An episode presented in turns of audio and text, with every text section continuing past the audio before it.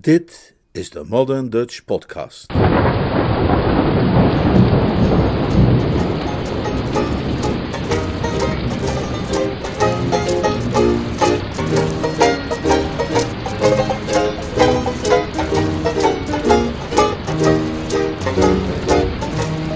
Noodweer op kasteel Blandings. Een roman van P.G. Woodhouse, Summer Lightning, vertaald en voorgelezen door Leonard Beuk. Hoofdstuk 1 Er broeit iets op kasteel Blandings. Kasteel Blandings lag te slapen in de zonneschijn. De warme lucht trilde lichtjes boven de glooiende gazons en de plavuizen van het terras. Overal gonste het slaperige zoem van insecten. Het was zo'n zalige zomermiddag waarop halverwege de lunch en de thee de natuur zijn vestje lijkt los te knopen om eens lekker achterover te gaan zitten. Aan de achterzijde van het fraaie Engelse landhuis zat Beach, de butler van Clarence, de negende graaf van Emsworth, die kasteel Blandings bewoonde, in de schaduw van een lauwerstruik. Hij had een groot glas in de hand, waaruit hij af en toe een slokje nam, en las een tijdschrift dat zich voornamelijk bezighield met bekende mensen en de wereld van het theater. Zijn aandacht was zojuist getrokken door een foto in een ovale omlijsting op een van de binnenste bladzijden, en zeker een minuut lang had hij die langzaam en met grote ogen bestudeerd en alle details zorgvuldig in zich opgenomen. Vervolgens haalde hij met een snorkend lachje zijn zakmes tevoorschijn, sneed de foto uit en borg die weg in een van de dieper gelegen bergplaatsen van zijn kostuum.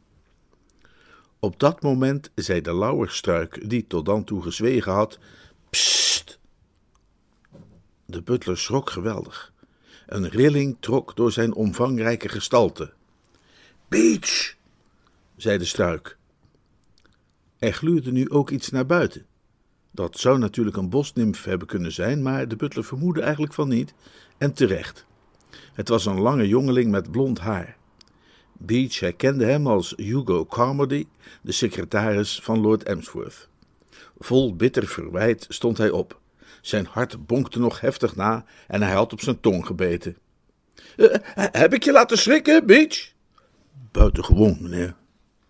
Dat, dat spijt me dan, maar het is heel goed voor de lever, dat weet je toch? Trouwens, Beach, wil jij een pond verdienen? Zijn trekken werden milder. De kille blik verdween uit zijn ogen. Jawel, meneer. Zie jij kans Miss Millicent even alleen te spreken te krijgen? Zeker, meneer.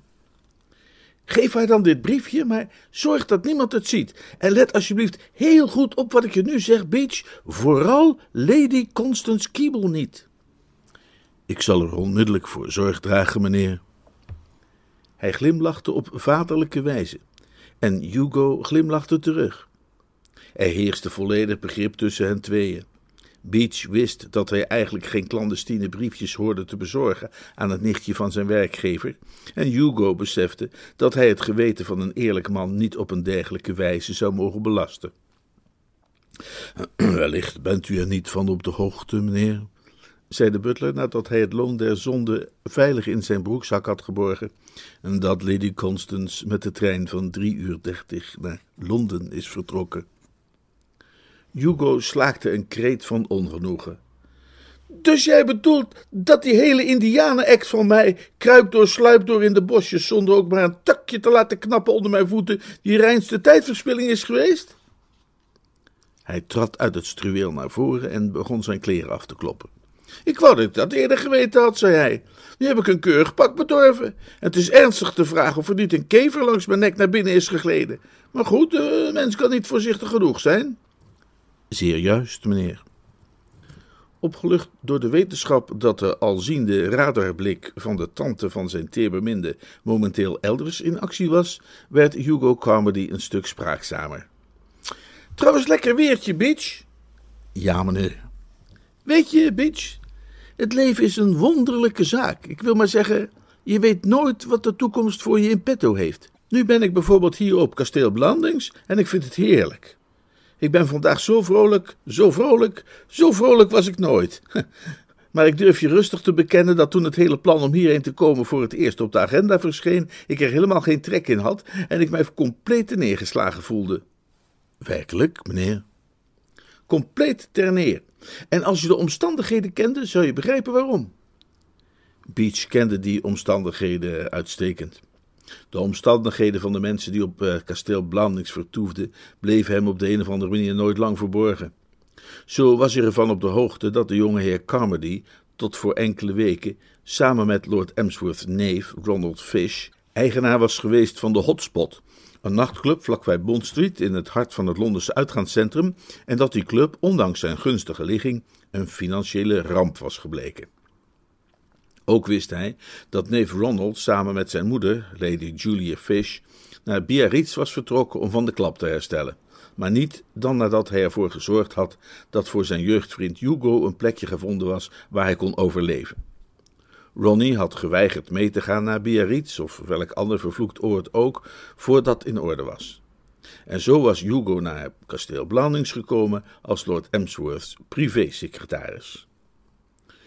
U vond het wellicht onplezierig om Londen te moeten verlaten, meneer? Precies. Maar nu, Beach, je kunt me geloven of niet, nu kan dat hele Londen me geen zier meer schelen. Begrijp me goed, ik zal niet zeggen dat een avondje in de buurt van Piccadilly me niet bevallen zou, maar om er te wonen, geef mij maar kasteel Blandings. Wat een plek, Beach. Ja, meneer. Een ware hof van Ede, zou ik willen zeggen. Doet u dat gerust, meneer. Heel juist opgemerkt. En nu die beste Ronnie ook hierheen komt, kent mijn blijdschap helemaal geen grenzen meer. Komt meneer Ronald ook hierheen, meneer? Morgen of overmorgen. Ik heb vanochtend een brief van hem gekregen waar dat in stond. Dat doet me trouwens aan denken. Hij zendt je zijn groeten en ik moest zeggen dat je je laatste cent moet inzetten op Baby Bones in de claiming race op Madbury. De butler trok een twijfelachtig gezicht. Erg gewaagd, meneer. Niet bepaald de favoriet. Absoluut geen kanshebber, lijkt mij ook heel onverstandig. Toch zijn de tips van meneer Ronald doorgaans heel betrouwbaar. Hij adviseert mij sinds jaar en dag op dit terrein en het heeft me doorgaans geen windeieren gelegd zijn adviezen op te volgen. Zelfs toen hij als jongen nog school ging op Eton, was hij altijd al een profijtelijke bron van informatie. Nou ja, je moet het zelf weten, zei Hugo onverschillig. Wat uh, knipte jij daar trouwens net uit dat tijdschrift? Een foto van meneer Galahad, meneer. Ik hou een album bij waarin ik artikelen en foto's verzamel die met de familie van doen hebben. Dan weet ik wel uh, wat een mooie aanwinst zou zijn voor je plakboek. Een beschrijving van Lady Constance Keeble die uit een raam valt en haar nek breekt. Een goed gevoel voor wat gepast was, weerhield Beach van instemmend commentaar, maar een lichte zucht van weemoedig verlangen kon hij niet onderdrukken. Zijn persoonlijke gevoelens sloten bij die gedachte naadloos aan. Wilt u dat knipsel misschien even zien, meneer? Er staat een opmerking bij over meneer Galahad's literaire bezigheden. De meeste foto's in het weekblad waarmee Beach zich had vermaakt waren afbeeldingen van revue-meisjes die eruit wilden zien als heuse freules en heuse freules die probeerden eruit te zien als revue-meisjes. Maar deze foto vertoonde het opgewekte gelaat van een tenger, parmantig heer, klein van stuk en achter in de vijftig. Onder de foto stond met grote letters uitsluitend het woord galley. En daar weer onder was in kleine lettertjes te lezen: Jonkheer Galahad Threepwood, broer van de graaf van Emsworth. Er wordt ons ingefluisterd dat Galley op kasteel Blandings verblijft, het voorouderlijk slot in Shropshire, waar hij ijverig werkt aan het op schrift stellen van zijn memoires. Zoals elk lid van de oude garde zal weten te bevestigen, zullen die memoires waarschijnlijk net zo pittig, broeierig en brandgevaarlijk worden als het huidige weer, wellicht zelfs nog iets verzengender. Hugo bestudeerde de afbeelding aandachtig alvorens die terug te geven ter bewaring in de archieven. Tja, merkt hij op, dat klopt wel zo ongeveer, denk ik. Die oude heer moet een pittige rakker geweest zijn, schijnt het, in de dagen van Edward de Beleider. Meneer Galahad moet als jongeman inderdaad vrij veel wilde haren hebben bezeten, bevestigde de butler met een soort feodale trots in zijn stem. In de bediendenkamer heerste de opvatting dat jonkheer Galahad aan kasteel Blandings een bijzonder prestige schonk. Heb jij je wel eens gerealiseerd, Beach, dat er vast een hoop ophef van zal komen als dat boek van hem ooit verschijnt? Oh, zeker, meneer. Ik ben in elk geval al aan het sparen om een exemplaar aan te schaffen. Tussen haakjes, ik, ik wilde je eigenlijk iets heel anders vragen. Kun je mij iets vertellen over een figuur die Baxter heet? Meneer Baxter, meneer? Die was ooit de privésecretaris van Lord Emsworth. Ja, dat heb ik begrepen. Lady Constance had het vanmorgen over hem tegen mij. Ze liep me tegen het lijf toen ik vanmorgen in mijn rijkostuum buiten liep en ik kreeg de indruk dat ze daar niet heel gelukkig mee was. U heeft kennelijk veel vrije tijd, meneer Carmody, zei ze. Meneer Baxter, voegde ze er met een venijnige blik aan toe, had geen tijd om uitrijden te gaan toen hij Lord Emsworth's secretaris was. Meneer Baxter was altijd hard aan het werk, maar ja, zei ze met nog veel snijdender oogopslag. Meneer Baxter was dan ook werkelijk geïnteresseerd in zijn werk. Lieve hemel, wat een plichtsbetrachtend man was die meneer Baxter toch? Ongelooflijk! Of woorden van gelijke strekking. Ik kan me vergissen, maar het klonk me in de oren als een lelijke veeg uit de pan in mijn richting. En wat ik nu eigenlijk wil weten is waarom ze die Baxter eigenlijk ooit hebben laten gaan als dat zo'n wereldwonder was. De butler keek voorzichtig om zich heen. Ik geloof, meneer, ehm, dat er zich een probleem heeft voorgedaan. Aha, de zilveren lepels gejat zeker, hè? Ja, ze gaan het altijd met die zogenaamde ijveraars. Nee, ik heb nooit de details leren kennen, meneer, maar het had iets met bloempotten te maken. Had u bloempotten gejat? Bloempotten naar Lord Emsworth geworpen, meen ik te hebben begrepen. Hugo keek beledigd. Hij was een oprechte kerel die onrechtvaardigheid moeilijk kon verdragen. Als dat zo is, begrijp ik bij Totatus niet, zei hij, waarom ze die Baxter dan zo'n veel betere secretaris vinden dan mijzelf.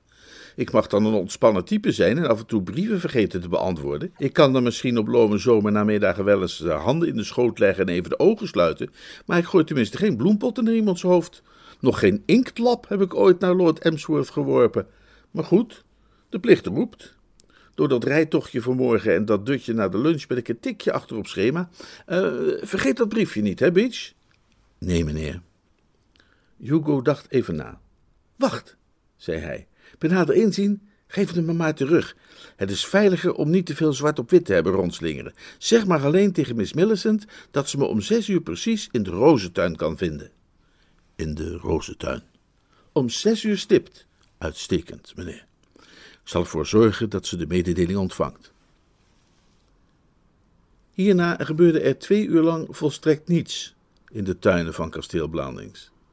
Maar na afloop van die periode klonk er in de lome, soezige stilte enkele lome, soezerige tonen. Het was de klok boven de poort van de stallen die vijf uur sloeg. Op datzelfde moment naderde er vanuit het huis een korte maar indrukwekkende processie, die over het zonovergoten gazon voortschreed naar waar een hoge ceder zijn verkwikkende schaduw wierp. Aan het hoofd van de stoet ging James, een der huisknechten, met in zijn handen een volgelaten dienblad. Daarop volgde Thomas, een andere huisknecht, die een klaptafeltje droeg. De rij werd gesloten door Beach, de butler, die niets droeg, maar uitsluitend participeerde ter verhoging van het decorum. Het instinct dat iedere ware Engelsman altijd haarscherp doet weten wanneer de thee klaar is, trad ook nu geluidloos in werking. Terwijl Thomas nog bezig was het klaptafeltje op het gras te installeren, verscheen er als op commando een oudere heer in een morsig tweedkostuum en met een hoed op zijn hoofd waar hij zich voor zou moeten schamen. Het was Clarence, de negende graaf van Emsworth persoonlijk. Hij was een lange, magere, pezige man van een jaar of zestig, die op dat moment nogal onder de modderspatten zat, omdat hij het grootste deel van de middag in de varkensstal had rondgehangen. Hij bestudeerde de voorbereidingen tot het maal met een vage welwillendheid door zijn randloze knijpbrilletje. Ah, ah, uh, thee. Jawel, uh, Lord Emsworth. Oh, oh, ah, ah, ah, zei Lord Emsworth. Ah, ah, thee, thee, thee, ja, ja, thee, thee, juist, juist, thee. Precies, mooi, mooi, mooi zo, thee, geweldig. Uit zijn woorden viel op te maken dat hij begrepen had dat het theetijd was en dat zulks hem beviel. Vervolgens begon hij zijn ontdekking uit de doeken te doen aan zijn nicht Millicent, die kennelijk door hetzelfde geluidloze signaal gemobiliseerd naast hem was opgedoken. Uh, thee, uh, Millicent. Ah, ja. Uh, thee, verduidelijkte Lord Emsworth nog eens ten overvloede. Millicent ging zitten en ontfermde zich over de pot. Zij was een lang blond meisje met lieftallige blauwe ogen en een gezicht als de bekende prent van het ontwaken der ziel. Haar hele verschijning ademde zuivere onschuld. Zelfs een deskundige had niet kunnen zeggen dat zij zojuist een gefluisterde boodschap had ontvangen van een omgekochte butler en dat zij om zes uur precies een rendezvous zou hebben tussen de rozenstruiken met een jongeman die volstrekt ongeschikt moest worden geacht als huwelijkskandidaat. Bij de keizerin op bezoek geweest, oom Clarence? Uh, wat? wat, oh, oh, ja, ja, tuurlijk. Ja, in, inderdaad, kindje. Ik ben, ben, ben de hele middag met haar uh, bezig geweest. Lord Emsworth's zachtmoedige ogen straalden. Dat deden zij altijd als dat edele dier, de keizerin van Blandings, ter sprake kwam. De negende graaf was een man van geringe en eenvoudige ambities.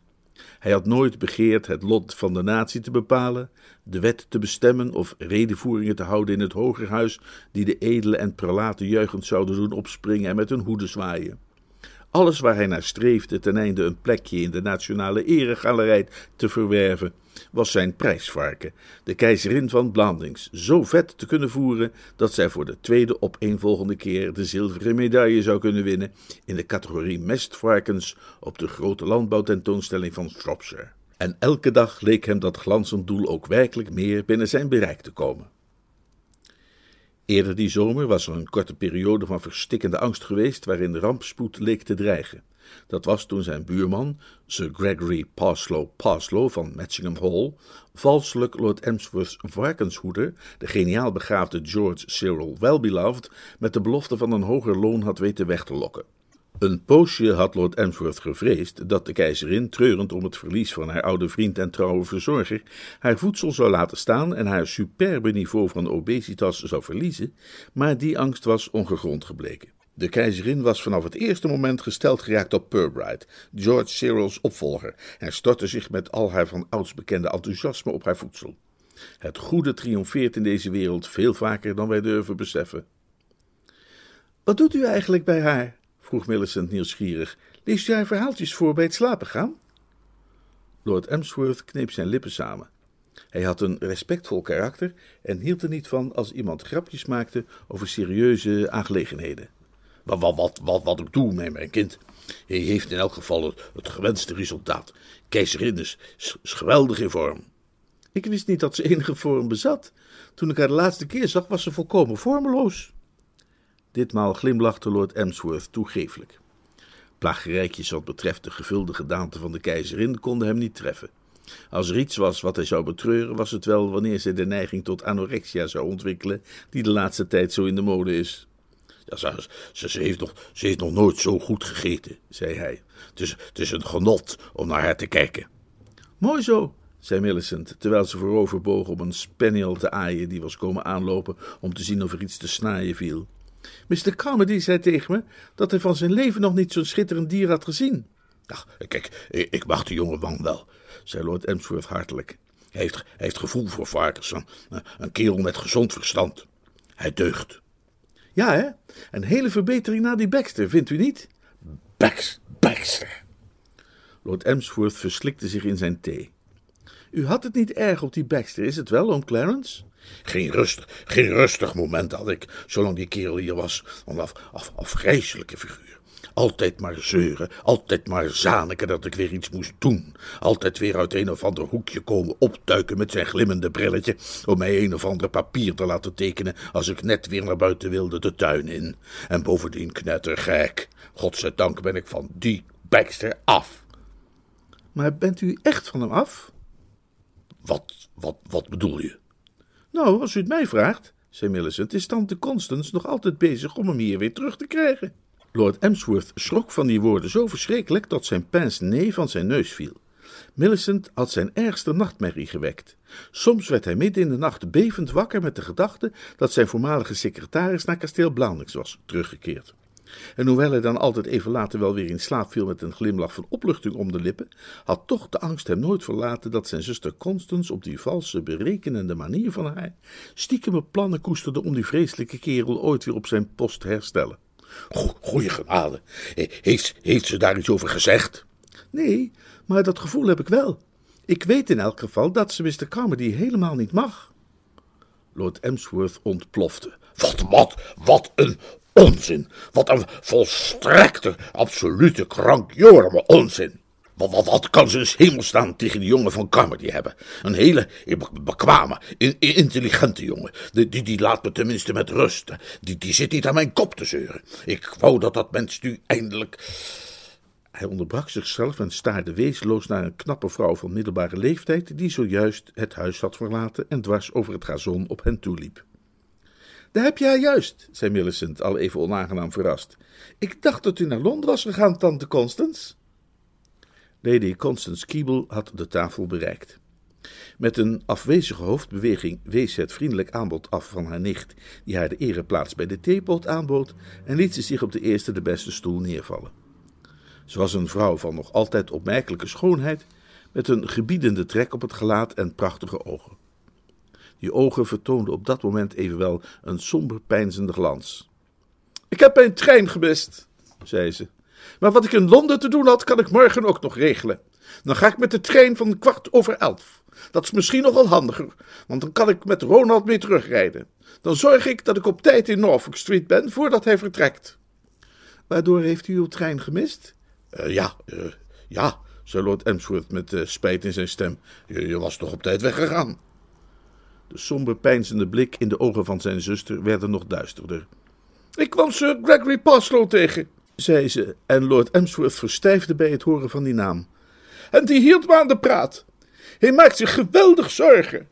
Lord Emsworth klaarde weer wat op. Hij zei me dat hij jaren geleden Galahad goed had gekend en dat hij zich ernstig ongerust maakt over dat boek van hem. En hij zal vast niet de enige zijn, mompelde Millicent. Ze had gelijk. Als een man met een kleurrijk verleden, als jonker Galahad Threepwood, eenmaal de pen ter hand neemt en vermakelijke herinneringen begint op te halen aan zijn vrolijke vrienden Dinges en Huppeldepup van vroeger, weet je nooit waar het ophoudt. In heel Engeland was er dan ook een behoorlijke paniek uitgebroken onder heren van enigszins gevorderde leeftijd uit de aristocratie en het patriciaat, zodra het nieuws over Galahads literaire activiteiten bekend was geworden.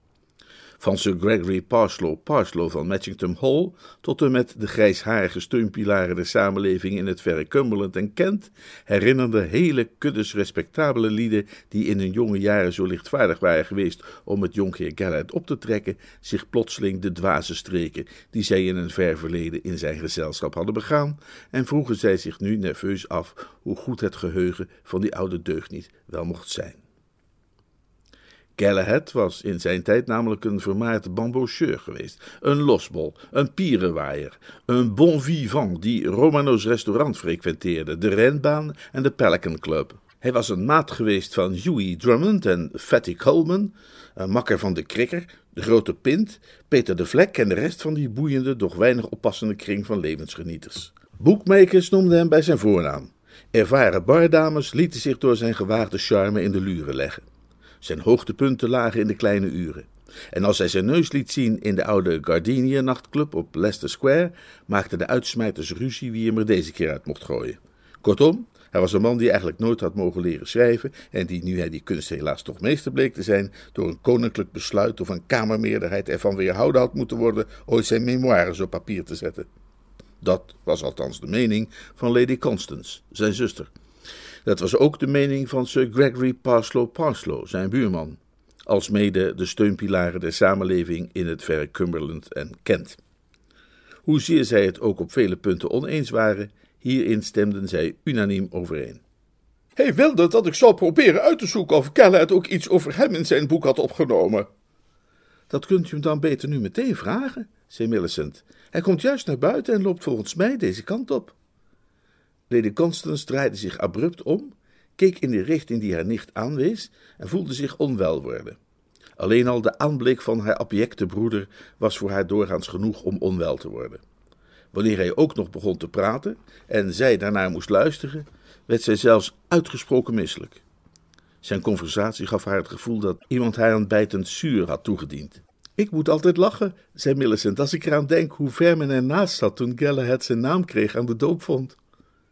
Zij zelf bekeek haar naderende bloedverwant met de welwillende, ja, zelfs bewonderende genegenheid die jonge vrouwen, ook als ze zo vroom ogen als de heilige maagd, op een of andere manier altijd schijnen te koesteren voor ouderen met een kleurrijk verleden. Ziet hij er niet geweldig uit? vroeg ze. Het is toch buitengewoon dat iemand die een leven heeft geleid als hij nog zo verbijsterend gezond kan zijn? Overal om je heen zie je mensen die voorbeeldig hebben geleefd, maar in de kracht van hun leven de pijp uitgaan, terwijl onze brave oom Gally, die kennelijk voor zijn vijftigste nooit één oog heeft dichtgedaan, nog altijd even kwiek en blozend rondloopt. Iedereen, iedereen in onze, onze familie heeft altijd een uiterst stevige constitutie gehad, zei Lord Emsworth. En als er iemand was die dat hard nodig had, was het oom Gally wel, zei Millicent. De besproken auteur naderde inmiddels met ferme pas over het gazon en voegde zich bij het groepje rond de theetafel. Zoals zijn foto al had verraden, was hij een klein, kordaat mannetje van het type dat men automatisch voor zich ziet in geruite pakken en strakke pantalons en met een witte bolhoed, een roze anjer in het knoopsgat en langs de heup een verrekijker om de paardenrennen mee te volgen. Hoewel hij op dit moment blootshoofds was en in hemdsmouwen, met op de punt van zijn neus de veeg inkt die de literator onderscheidt van het volk, was het toch vreemd om hem te zien zo ver van een renstal of een drankgelegenheid met volledige vergunning. Zijn heldere ogen met lachrimpeltjes aan de hoeken leken als altijd in de verte te turen naar paarden die de bocht uitkwamen naar het rechte stuk.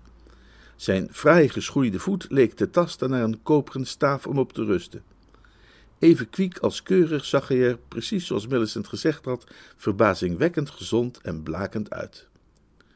Voor iemand die een volstrekt losbandig leven had geleid, verkeerde de hoogwelgeboren Galahad Threepwood in volkomen tegenspraak met alles wat billijk en rechtvaardig mocht heten, in een kennelijk volmaakte, om niet te zeggen luisterrijke fysieke conditie. Hoe iemand die de lever van de eeuw had moeten ontwikkelen nog altijd zo tierig kon zijn, was een raadsel voor iedereen die hem kende. Zijn blik was haarscherp en zijn lenigheid onverminderd. Terwijl hij lustig over het gazon richting theetafel dartelde, deed de spaniel hem bijna struikelen. Maar de behendigheid waarmee hij zijn evenwicht wist te bewaren zorgde dat hij geen druppel hoefde te verspillen van het glas met whisky en soda in zijn hand. Hij droeg het glas voor zich uit als de trotse banier waaronder hij menige veldslag had gevochten en gewonnen. In plaats van de smet op het blazoen van zijn familie had men hem kunnen aanzien voor een acrobatische geheelonthouder. Na zich te hebben ontward uit de spaniel en het beest te hebben getroost door het een snuifje te gunnen van zijn whisky en soda, toverde jonkheer Galahad een zwart omrande monocle tevoorschijn, fixeerde hem te bestemder plekken en bekeek met een afkeurende frons de uitstalling op tafel.